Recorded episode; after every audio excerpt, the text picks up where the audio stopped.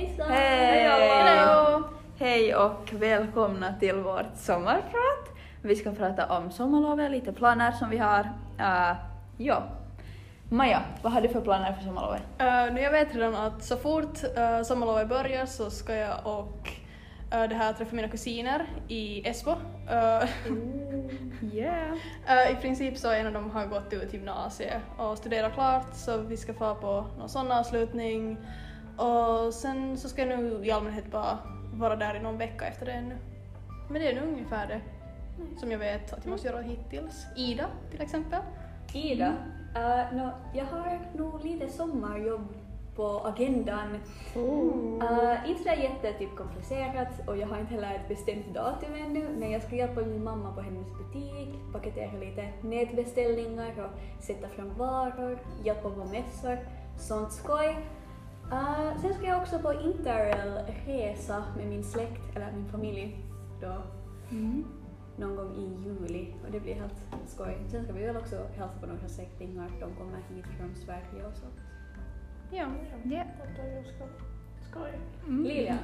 Hej, ja, så det är egentligen ganska mycket som inte är sådär på det klara just nu, men jag gissar på att vi ska jobba och besöka besöka mm. familj uh, i England och Estland och kanske också slippa jag till ett sommarläger i Estland men vi får se hur det blir. Och jag hoppas också på att jag ska få ett sommarjobb men um, det är inte något bestämt just nu men mm. jag skulle gärna få mm. pengar. ja. Okej. Okay. Jag har inte heller något sommarjobb. Att jag har bestämt mig för att inte söka sommarjobb den här sommaren. Jag tyckte att Uh, jag tänker njuta av den här sommaren nu före gymnasiet, sen får vi se lite. Mm. Men det är helt klokt faktiskt, för liksom gymnasiet tror jag att det är typ en bättre ålder att just börja leta efter jobb, speciellt för att många ställen vill inte ha oss.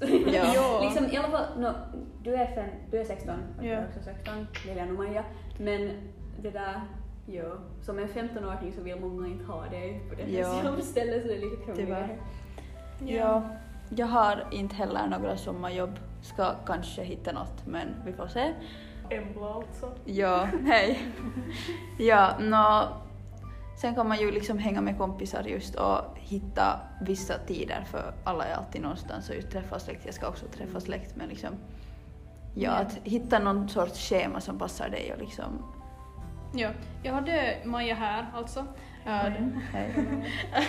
jag hade en plan på att göra några så här kalenderaktigt. Uh, försöka komma överens om något tid. Att ha till exempel picknick med kompisar. Eller mm. det här under skoljumpan så tyckte jag åtminstone att uh, det här beachvolleyboll verkar kiva. Så ja. jag funderar på att jag skulle kanske göra det med kompisar. Kan vi spela någon? Ja, det skulle vara kiva. Det här, ja. Men så, något sånt planerat skulle vara roligt. Mm. Och sen också att i allmänhet bara cykla. Det har jag försökt satsa på den här sommaren, eller tänka göra åtminstone. Mm. Uh, kanske cykla till stranden eller någonting så kan man simma där också. Oh, jag saknar att simma liksom havet. Det är så mycket kul att hinna typ simbassängen eller något. Jo, ja. ja. Jag gillar stränder i allmänhet. Ja. Förutom det finns insekter. Myror. Bro, insekter. Hur kommer man bort från liksom insekter? De säger man gör inte. Man attackerar mig Jo, alltid. samma här. Mm. Ja. Har ni någon liksom... Nej. Har ni någon tips? Jag orkar inte. Nej, jag har dela med det. Ja, det finns alltså något... sina tänder då. ja, det finns väl något mygg med det, men det funkar inte för mig. Nej, ja. Jag får alltid liksom utslag från dem. Ja, ja. Mm. Alltså vi har något sådär någon sån där lip balm-aktigt som man kan typ sätta på efter att man har fått ett myggbett. Ja, vi har också, Så det inte ska klia, men... Och typ såna aloe vera. Ja, sånt. Ja, hjälper också. Ja. ja. Men sen, sen det att man gör med nageln typ ett kors. så det är liksom alls något vetenskapligt men... Ja, ja, gör det som funkar för dig liksom. Ja, så typ. Ja, men ja. insekter är typ... No, jo men insekter ja. är det jobbigaste med sommaren tycker jag. Speciellt ja. på Homsa och getingar när de kommer ja. in i ditt hus på natten. Ja. ja. Chillar om de liksom emerger någonstans. Och så ja. man bara någon sitter där på fönstret. Ja. Det är bara att dela med det. Det kommer liksom med sommaren typ. Ja. Ja, och det ja. var ungefär det. Sen, jag bränner mig jättelätt åtminstone, så jag måste alltid ha solkräm på mm. mig. Kom ihåg ha alla solkräm. Solkräm, bra. Och typ en solhatt ja. kanske. Jo. Solglasögon ja. för att egna tack också. Det ser coolt också. ut också. Mm. Det ser Exakt. coolt ut. Ja, det ser coolt ut. Ja, man vill inte bränna hårbottnen. Ja. Det har jag testat för många att gånger. Att inte bränna sig, det är coolt. Det är coolt. Ja. Man vill inte... se trygg är coolt också. Ja. Man behöver hjälmar när ni cyklar du också. Ja. ja, det ska jag försöka komma ihåg. Som Rolf. Så som ofta exempel från provet. Som vår KF. Exakt. Ja. Mattelärare, här fysiklärare här och KF Rolf. Ja. Shout out. Life mentor. Wow. Wow. Ja. Men jag har ja. ett annat tips för att undvika den här hettan. Det kan bli ganska varmt. Det är ju just att simma eller duscha eller någonting. Och ja. kom ihåg att dricka vatten på Drick riktigt. så mycket vatten. Det att man inte har druckit ordentligt med vatten. Jag märker i alla fall genast att jag är på så mycket sämre humör. Jag har huvudvärk ja. och jag bara typ mår mm. illa.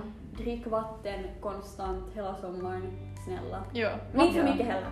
Nej. Vi ska inte hitta er. Nej. Men vattenflaska kan vara bra att ha med. Ja. Um, ja. ja. Sen är det ju också det här lätt att föräldrarna börjar klaga på att ni ska borde gå ut eller någonting. Men då är det bara att nu liksom kanske diskutera med dem och säga att ja men hej jag går ut när jag vill. Och det... tala öppet med dem och liksom försök, vi verkar komma till den åldern var liksom föräldrar, var föräldrar är typ mindre sådär typ vuxna och vi kan säga att de är också människor. Mm. Och jag har i alla fall försökt typ tala med dem mer som om de skulle vara typ mina kompisar och det har nog hjälpt. Att just yeah. våga säga nej, våga stå för din åsikt Jo. Där är ju liksom stressa inte dig själv. Ja. För att din familj vill säga typ 500 släktingar i en dag. Ja. Du måste inte se på dem alla om du inte orkar. Det är helt okej. Okay. Ja. Och om det då är ett väder så du får stanna inomhus, det är helt okej. Okay. Mm. Det är roligt det är att ta. Det är lov liksom. Du ja. Och man ska inte heller känna sig guilty över att man stannar inomhus. Det är sommarlov, det är att man ska få göra vad man vill. Ja. Jag, jag saknar liksom sommarhängen. Det är att man får sitta jo. inne och det liksom mm. regnar för det är ja. sådär varmt och gosigt och mysigt och Det är mysigt. Ah, jag saknar det. Jag har Jätte awesome. Ja. All right. Mm. Awesome på awesome. Ja. Ja. Ja. Det var det. mål? I guess uh, det här är en mål inför sommaren så jag vill åtminstone cykla lite. Jag har också mm. funderat på det här att kanske försöka läsa en bok under sommaren. Vi får ja. se om det blir av. Men för att typ bibliotek och bara låna någon bok eller läsa en bok på engelska som vi har hemma. Ja. Men har någon annan något mål under sommaren? Kanske också att läsa just att typ gå ut och bara liksom gå eller typ cykla eller vad som helst. Att ja. Det behöver inte vara något speciellt, bara ja. vara ute, vistas ute. Jag har just det att jag har också typ vissa mål men jag vill inte att jag Mm. Jag vill ta en paus för att man konstant måste göra någonting. Mm. Och jag jo, det håller jag med om. Liksom sådär kul om Maja, du skulle väl typ färga ditt hår. Jo, jag vill också så, färga hår. Saker som det är, till exempel jag vill just umgås med mina kompisar mer än vad jag gjorde mm. typ förra sommaren till exempel. För det kan bli jätteensamt, speciellt mot slutet av sådär juli. ja. Och då är det jätteviktigt att just hålla de här kontakterna och liksom ta det lugnt men försök att ändå göra någonting annat ja. än att bara ligga i sängen för ja. det är nog bra. Ja.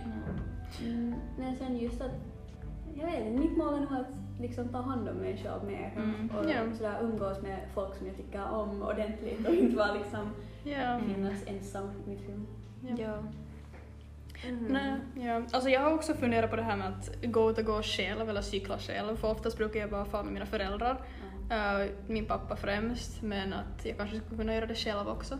Mm. På egen hand. Ja. Det är jättelugnande att ha liksom typ no, någon gång vill man lyssna på en podcast, någon gång vill man ha typ musik. Men också bara att gå ut i naturen och lyssna på ditt fåglarna. Ja. ja. Det, det är liksom... Ja. Man, man är nog lite privileged att man också får göra så. Det finns ja. många som inte har den här möjligheten till naturen och sånt. Att, ja. mm. Ta tag i de här chanserna. Också typ personligen, jag gör det här under skoltiden också. Men typ nästan varje chans som jag får så tycker jag om att typ hoppa i bilen med mina föräldrar och typ bara åka runt med dem. Eller vi typ um, handlar i några ja. butiker och sånt. Så det är kiva att också göra på sommaren om jag inte har något att göra under dagen. Ja. Att om min pappa har något att göra så typ bara hoppar jag med i bilen. Mm. Och vi måste inte riktigt säga något, vi kan bara sitta där och det är helt trevligt också. Ja, så, ja. ja. det låter roligt. Ja. ja. Sådär, det var våra planer för ja. sommarlovet. Ja. Hoppas ni har ett jättetrevligt sommarlov. Ni som lyssnar och Ja. Ni? Njut! Njut! Njut, men vi har också en hemläxa till er. Ja. Och Oj. det handlar då om de här målen som vi just talade om att vi vill liksom challengea er på ett sätt, utmana er. Alltså, ja, utmana. Svenska. Utmana, svenska. Bra. Uh, jag vill utmana er att liksom ändå försöka typ gå ut ur din, vad heter det, bekvämlighetszon. ja, ja. ja. Sådär att försök göra någonting nytt som du kanske inte har prövat på förr och som du kanske är lite rädd för. Förra sommaren så var det första gången som jag hade försökt på en ordentlig sån där berg- och dalbana som var liksom upp och ner och allt möjligt. Och jag gjorde det förra sommaren och det var inte så dåligt som jag trodde att det skulle vara. Ja. Jag dog inte. Och jag vill att ni också försöker på någonting nytt som ni kanske är lite rädda för Ja. För det kan ändå vara någonting som ni njuter av riktigt ordentligt. Ja. Oj, då vill jag ändå få igen också. Ja. Ja. Och jag ska färga håret så det blir också något nytt för mig. Yeah. Ja. Du har skickat bilder sen. Ja. Jonna, tack för att ni lyssnade. Tack för att ni lyssnade. Hej då. Hej då.